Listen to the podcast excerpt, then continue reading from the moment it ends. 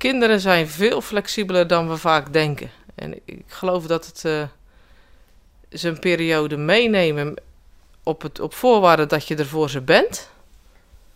Dat kinderen heel veel aan kunnen. Ik denk dat het belangrijk is als je doet, dat je er voor als ouders dan rekening mee houdt. Dat jij moet wennen. Maar je moet een veilige haven voor je kinderen zijn om hen ook te helpen wennen. En kun je dat zijn, dan kunnen je kinderen heel veel aan. Want dan hebben ze een veilige basis bij jou. En daaromheen, ze kunnen heel veel aan en het, het wordt echt een verrijking voor hun op zo'n moment. Ik denk dat je je kinderen meeneemt in een avontuur met God, waarin ook zij dichter bij God kunnen groeien. De wereld rond. In deze podcast spreek ik, Gerard Adriaanse, met zendelingen over hun leven en werk, hun wel en wee en wat hen beweegt. Ellen Wilson de Pachter en haar man Atjeté waren jarenlang zendelingen in het Afrikaanse Togo. Inmiddels wonen ze met hun vier kinderen alweer een paar jaar in het Zeeuwse Achterkerken. Over de ervaringen van Ellen en Atjeté in Togo en Ellens achtergrond en jonge jaren spreek ik in deze aflevering van De Wereld Rond. Op dit moment ben ik op bezoek bij Ellen en Atjeté thuis. Dank dat ik hier te gast mag zijn, Ellen, en dat jij tegelijkertijd vandaag mijn gast bent in De Wereld Rond, de podcast met zendelingen en overzending. Hoe maken jullie het, Ellen? Ja, gaat moment goed met ons. We hebben ons plekje een beetje kunnen vinden in de afgelopen drie jaar ondertussen alweer. Hoe is het om weer terug te zijn in Nederland? Dubbel. Het is aan de ene kant ook weer thuiskomen voor mij. En aan de andere kant merk ik ook wel dat ik veranderd ben in Togo. Dat het, uh, het stressvolle leven met volle agendas, dat dat voor mij best wel weer een, uh, een uitdaging is. Om weer terug in, uh, in het alledaagse Nederlandse stressleven te zijn. Wat betekende de omschakeling van Togo naar Nederland voor je man Atjeté, die ook uit Togo komt zelf? Ja, ik denk dat het voor hem nog wel het grootste was van ons gezin. Ja, hij was in Togo een man die, die de weg wist, die altijd druk was, bezig was. Die vertrok s ochtends om, om half acht en ik zag hem meestal niet voor zeven uur thuis, omdat er zoveel werk te doen was. En toen we in Nederland kwamen, ben ik gaan werken en was hij eigenlijk de, de eerste verzorger voor de kinderen. Dus het maakte dat hij heel veel thuis zat. Hij mocht ook niet autorijden toen nog. En dat was wel echt een uitdaging voor hem. Daarbovenop dan nog de taal en wennen aan de cultuur. Maar ik denk vooral de wisseling van niet meer veel weg zijn en heel veel thuis. Was echt wel even een, uh, een omschakeling voor hem. Ja. Wat was een uitdagende en wellicht zelfs moeilijke periode in jullie tijd in Togo? Ik denk dat het voor mij een pittige periode was toen we... We hebben vier kinderen op een rijtje gekregen. Dus het was... Uh, de oudste was bijna zes toen de, de jongste werd geboren. Of vijf was die. En dan, dan zit je met vier kleine kinderen in een land waar je op straat moeilijk, in ieder geval niet veilig loopt, omdat er niet, niet echt aan de voetganger gedacht wordt. En dat vond ik wel moeilijk, omdat ik, ik kreeg geen auto. Mijn man was meestal weg met de auto. Dus mijn wereldje was toen echt wel klein. Ik was veel thuis met vier kinderen die ik ook homeschoolde. En dat vond ik wel een, eh, een moeilijke periode. Hoe proberen jullie Togo en de Togolezen te helpen, Ellen? Ja, nou, toen we elkaar leren kennen, dus eigenlijk nog verkering hadden, zijn we begonnen in de kerk van Adjete om uh, vrouwen te helpen die niet kunnen lezen en schrijven. En daaruit is uiteindelijk onze organisatie Willem-programma's ontstaan. En nou, we zijn er ook een beetje in een groeiproces zelf doorheen gegaan van wat is nou de beste manier om te helpen.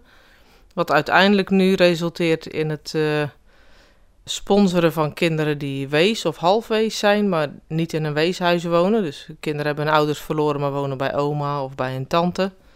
En die helpen wij dan met hun schoolgeld.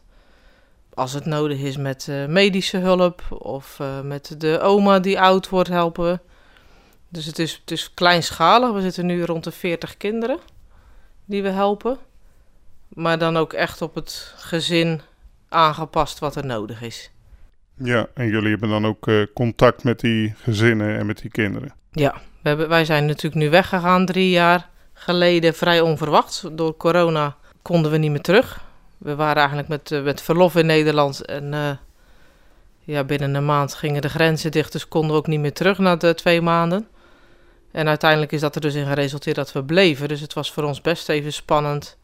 Hebben we het team wat er is nog in Togo, hebben we die genoeg voorbereid en sterk gemaakt om vol te houden? En uh, nou, het is fijn ook dat veel van Wilsons familie erin zit. Zijn moeder helpt, zijn zus helpt, een broer helpt. En dat zijn de mensen waar we van op aan kunnen. En je ziet dat het team daaromheen ja, ook gewoon trouw is gebleven. En dat is ontzettend fijn. Dus het werk gaat gewoon door zoals we het deden. Adjete, die, die ze ja, toch wel één of twee keer in de week via WhatsApp bellen. Houdt die contact met ze. En zo kan die team aansturen. Ja, en als mensen meer willen weten van jullie organisatie, of misschien wel erbij betrokken willen raken, waar kunnen ze dan terecht? Is er een website? Ja, we hebben een website uh, www.willenprograms.org. En op Facebook, als je Willenprograms googelt, kom je ook wel op onze Facebookpagina. Uh, ja, financieel kun je helpen door een, een, kindje te sponsoren voor, als ik het goed heb, 15 euro per maand. En daar krijgen ze uh, hun school mee, daar krijgen ze schoolspullen voor. Eén keer in de maand hebben we een dagprogramma waarin we ze dus een stukje praktische dingen ook leren. Het is niet alleen uh, evangelisatie, maar ook een stukje sociale vaardigheden. Soms seksuele voorlichting, wat er niet gedaan wordt. Heel breed. We, geven muzieklessen, we doen van alles voor ze. Verder hebben we pas een stuk grond gekocht. Daar hebben we afgelopen jaar heel veel geld voor op kunnen halen. En nu zijn we geld aan het ophalen om te kunnen bouwen aan een Willem-programcentrum. Ook een beetje als een opvangplek voor de kinderen, omdat we nu in Lomé het kantoortje hebben. En de meeste kinderen zitten in een dorpje 30 kilometer verder. Ja, als die bouw gaat beginnen, dan kunnen mensen zich aanbieden om uh, mee te helpen bouwen. Op dit moment, ja, je zou natuurlijk op bezoek kunnen komen en uh, zeggen van nou, ik ga wat leuks doen met die kinderen. Maar echt concreet dat we nu mensen vanuit Nederland nodig hebben, is er eigenlijk niet. Want het team in Toho doet het eigenlijk echt geweldig. Ja, mooi. Zijn er delen van je opleiding in Nederland die je geholpen hebben bij je werk in Togo, Ellen? Ja, ik heb de PABO gedaan.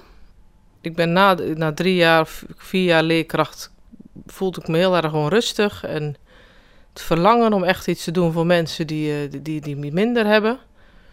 Toen ben ik met een vriendin en een vriend beland bij uh, Mercy Ships. Ik heb op Mercy Ships verschil. Ik heb in de dining room gewerkt, ik heb in de receptie gewerkt, dus daar kwam mijn onderwijs niet zo uh, aan de orde.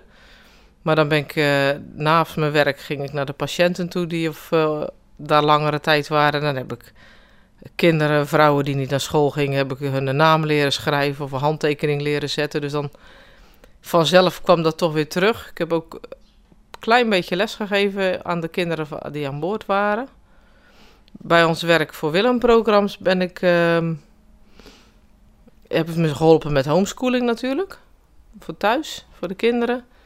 Ook wel een dingen ontwerpen voor de, om, om spelletjes te maken. En het heeft me geholpen met het, het een beetje snappen van het onderwijssysteem en het belang ervan. We hebben een periode alfabetiseringslessen aan vrouwen gegeven die niet naar school waren geweest hielp het ook weer. Ik heb wel in mijn periode bij Mercy Ships uh, ontdekt van ja, ik gaf les soms ook in een stukje gezondheidszorg. Dat ik dacht, ja, nu vertel ik mensen van alles, maar dat heb ik ook maar uit de boekjes. Toen ben ik nog een training gaan doen in uh, Hawaii voor jeugd met een opdracht, bij jeugd met een opdracht. Primary Healthcare. En dat heeft me geholpen om mensen advies te geven, maar ook echt uh, voor ons eigen gezin. De medische zorg in Toho is is echt beperkt. Uh, soms als je als blanke in het ziekenhuis komt, dan denken ze, nou dat is weer mooi iemand met geld, we smeren die nog wat extra's aan. En toen merkte ik dat ik met de kennis die ik opgedaan had met die training, dat ik zelf ook wel een beetje kon logisch nadenken en niet altijd een dokter nodig had bij een oorontsteking of bij een verkoudheid of een hoesje of uh, een kind die diarree had, dat ik het wel ongeveer kon inschatten van hé, hey, dit is het probleem. En ik laat me niet van alles aansmeren. Dus dat, dat heeft me ook echt geholpen. Ja. Ja, je hebt in Togo gewoond, uh, Ellen. Het land van je man dus. En hoe zou je Togo van ons willen beschrijven als land en als volk? Het is een subtropisch land, dus uh, qua, qua klimaat is het uh, warm, vochtig. De mensen zijn ook warm, heel sociaal en ook als blanke word je toch echt wel heel vriendelijk behandeld. Je wordt, natuurlijk word je wel eens afgezet omdat ze denken blanke mensen hebben geld, maar ze zijn over het, het grootste deel echt vriendelijke mensen. En heel eh, welkom naar je toe, behulpzaam. Ja, en had je altijd al het verlangen zendelingen te worden als je zo terugdenkt? Nee, ik weet nog, uh, binnen ons gezin ging er best, werd er best veel gereisd door mijn oudere broers. Ik kom uit een gezin met zes kinderen en ik ben nummer vijf. Dus eigenlijk iedereen boven me was best een uh, avonturier. En ik weet nog dat ik in de supermarkt als uh, bijbaantje had dat iemand zei... Nou, wanneer ga jij uitvliegen? En dat ik zei, nou, ik heb daar niet zoveel behoefte aan. Dus dat, die behoefte om, om de wereld te ontdekken had ik niet zo. Maar wel eh, bewogenheid met de mensen die het minder hebben. Dat heb ik wel gehad. En ik denk dat het daaruit op het duur wel dat verlangen kwam van ik wil meer betekenen voor de, voor de armere mensen in de wereld. En daar is wel dit uit voortgekomen. Maar het is niet dat ik vanaf mijn eh, kleuterjaren of uh, lagere school had van oh, ik wil ook de zending in. Ja, maar dan denk ik van, uh, ja, het is heel bijzonder. Hè? Je vertelt dat uh, je niet de enige bent in het gezin die dus uh, gereisd heeft, maar ook betrokken is dus bij anderen en ook anderen willen helpen. Als je zo terugdenkt aan je familie, dan denk ik je ouders, je opa en oma. Kun je dat daar ook wel op terugvoeren? Dat je zegt van ja, het zat toch eigenlijk ook al wel in onze familie? Mm, ik zie wel, we zijn natuurlijk wel christelijk opgegroeid. En ik zie wel bij mijn ouders ook het stukje bewogenheid met mensen om je heen. Als je iets kan doen voor iemand, dan doe je dat dat wel. Uh, maar het, het echt van oh, wegtrekken en de zending in, dat weer niet. Maar wel weer bij mijn broers en zussen. Vooral een oudere, mijn oudere zus Willeke, die heeft ook wel uh, hart voor zending. Nog steeds, denk ik. Ze heeft een periode ook zelf in Afrika uh, gewerkt. En, maar is, heeft altijd hart voor de zending blijven houden. Ook in de gemeente waar ze was, dat ze dan betrokken was bij de zendingscommissie ook bij mij, als ik, uh, dat ze in mijn thuisfrontcommissie zat, dus die heeft ook wel echt hart en passie voor de zending.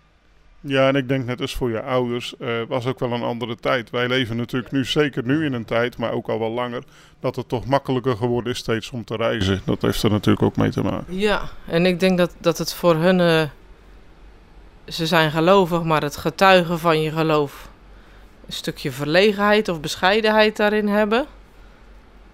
En ze vonden het ook moeilijk, weet ik nog, dat ik ervoor koos om uh, mijn baan op te geven en de zending in te gaan. Maar ze hebben me er altijd in gesteund. Ja, bijzonder. Hoe leerden Atjete en jij elkaar kennen? Nou, dat is wel grappig. Ik, uh, ik zat op, de, de, op Mercy Ships, dus ik was aan boord als bemanningslid. En uh, tijdens het... ik vond het leuk om naast mijn werk dan vaak naar de patiënten toe te gaan.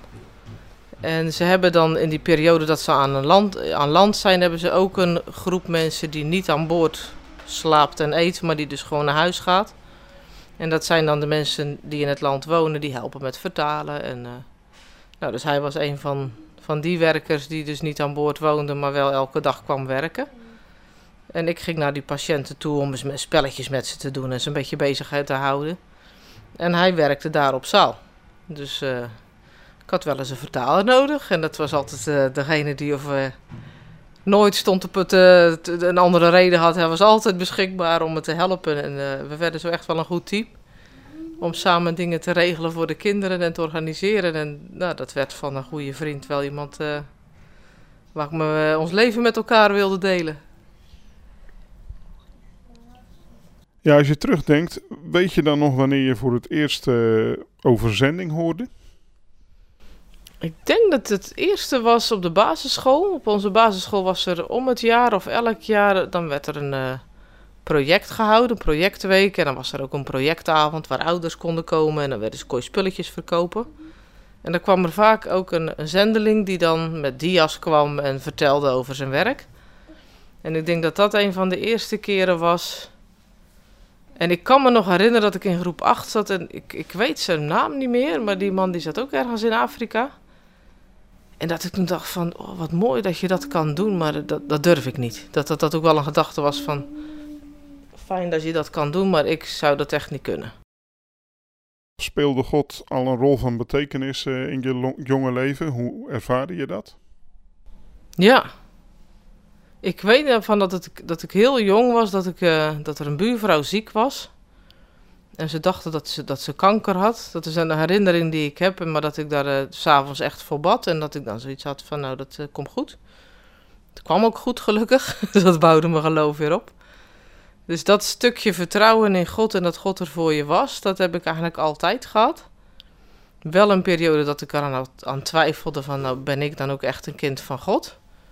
Ik kom uit de reformatorische hoek, waar die twijfel ook wel een, een, een, een, een ding is wat wel vaak voorkomt. Ik, door mijn achttiende ben ik tot zekerheid van geloof gekomen en ik ben het sindsdien ook nooit meer kwijtgeraakt. Geweldig, ja. Hoe heeft je tijd in Togo en je getrouwd zijn met Atjete, zelf een geboren Togolees, je kijk op het leven veranderd? Ja, ik denk doordat je in een ander land en een andere omgeving gaat wonen, wat toch wel een, jaar of tien heeft geduurd natuurlijk voor mij, of langer, dat je op een gegeven moment. Je, je, bent, je bent geen Nederlander meer en ik ben geen Togolees ook. Je blijft een beetje tussenin ik merk nu ik in Nederland ben dat ik toch ook niet meer helemaal Nederlands denk. Maar in Togo blijf ik toch nog steeds de Jovo, de blanke, die geen, af, geen Togolees is. Dus je, je wordt gevormd. Ik kan het soms niet eens zeggen wat het is. Ik denk een stukje ontspannenheid ook. Dingen kunnen relativeren. Eh, ook in het, het, dingen die we eten hier. We kunnen ook gewoon Togolees eten. Dat eet ik ook gewoon mee. Dus je wordt wel gevormd. Maar ik denk dat het soms hele kleine dingetjes zijn die ik zelf soms niet merk. Maar dat ik dan aan anderen merk dat ze zeggen: Oh ja, maar daar ben je echt nog wel een beetje Afrikaan in. Dus het vormt je zeker in een andere cultuur leven. Ja, ja en wat mis je het meest uit Togo? Uh, ik denk in de winter, dan mis ik Togo echt wel. in de zomer niet. Um, het, het, het, het stukje warmte wat de, de cultuur, het, het omarmende van de mensen. En wat ik, ik ben nu hulpverlener. Dus ik kom vaak in gezinnen waar echt wel, wel, grote problemen zijn. En in Togo zouden we altijd na gesprek zeggen: zullen we nog even bidden samen? En dat doe je hier niet. En dat, heb, dat is iets wat ik echt gemist heb en nog wel mis dat ik het in het begin heb ik het ook wel gewoon echt gevraagd aan mensen. Nou, zal ik voor je bidden? Sommigen vonden dat heel fijn, tot tranen toe ontroerd van dat je dat vraagt aan me. Maar vaak is die openheid er ook niet. En dat is iets wat ik, wat ik toch wel mis. Het stukje je geloof wat verweven is met je werk, wat je ook doet. En als jij dat wil delen met iemand, dan is dat in Togo prima. En hier is dat dan, oh, apart dat je dat doet. Dat, dat mis ik. Ja. ja. Hoe hebben jullie vier kinderen de periode in Togo beleefd? Uh, ze waren natuurlijk nog heel klein. de, de, oudste zat uh, net in groep drie, dat ik ze homeschooling gaf toen we naar Nederland vertrokken. Ik denk dat zij die periode heel erg hebben ervaren als uh, ja, een leuke periode. We waren echt als gezin op elkaar aangewezen in veel dingen. Dus ik, ik merk het nu nog dat mensen zeggen: Oh, jullie kinderen spelen zo leuk samen. Of het, het, is echt een team, hè, jullie kinderen. Dat, en dat, ik denk dat dat echt ook komt omdat ze die eerste vijf jaar heel veel samen hebben opgetrokken. En ik, ik zie het nu, terug in Nederland was het wennen. Vooral voor, uh, voor de tweede, die, die dan ook slechthorend en doof is aan de ene oor. Dat die heel erg heeft moeten wennen dat het onveilig voor de voelde weer terug in Nederland. Maar dat ze nu allemaal echt wel hun plekje hebben gevonden. En nu vind ik het leuk dat ik zie dat ze zelf overal naartoe kunnen fietsen. En ze, ze zijn vrijer in wat ze kunnen doen. Wat ik ook mooi vind, en ik weet niet of dat is omdat ze met zending opgegroeid zijn. Het hart voor de mensen die, die God niet kennen, dat raakt mij als ik het zie in mijn kinderen. Er wordt nou niet dagelijks, maar vrijwel dagelijks gebeden voor vriendjes uit de straat die God niet kennen. Komt er dan eentje, dan wordt er soms echt gezocht naar een moment van: oh, oh nu komt hij en dan kijken we net een filmpje wat over de Bijbel gaat. Ken je dat verhaal? Of geloof jij in God? Nee, zegt hij dan. Nee, geloof in God is gek. Nee, zegt niet gek. Het is juist heel fijn en zo. Dan denk ik van, oh, de openheid die ze hebben en het, het verlangen van ik wil het met je delen, vind ik ontzettend mooi. En ik, ik weet niet of, of dat komt omdat ze in Togo hebben gezeten, maar ik denk het het stukje dat het verlangen is om het, evangelie met mensen te delen, dat je dat doorgeeft aan je kinderen en dat ze dat mee oppakken. Ja, bijzonder. Kun je ook iets meer vertellen nog over de overgang voor jullie kinderen toen ze naar Nederland kwamen? Want ze zijn natuurlijk hier niet echt opgegroeid, maar in Togo, tot die tijd.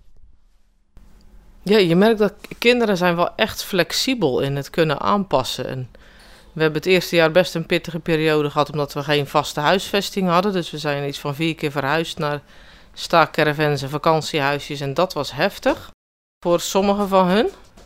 Maar ik zie ehm, het aanpassen, dat ze dat toch ook weer vrij makkelijk hebben gedaan. En we hebben aan onze muur hebben we een, een, een, een, grote lijst met helemaal foto's, met herinneringen van, van Togo. En daar zie je ze dan wel steeds vaker op kijken.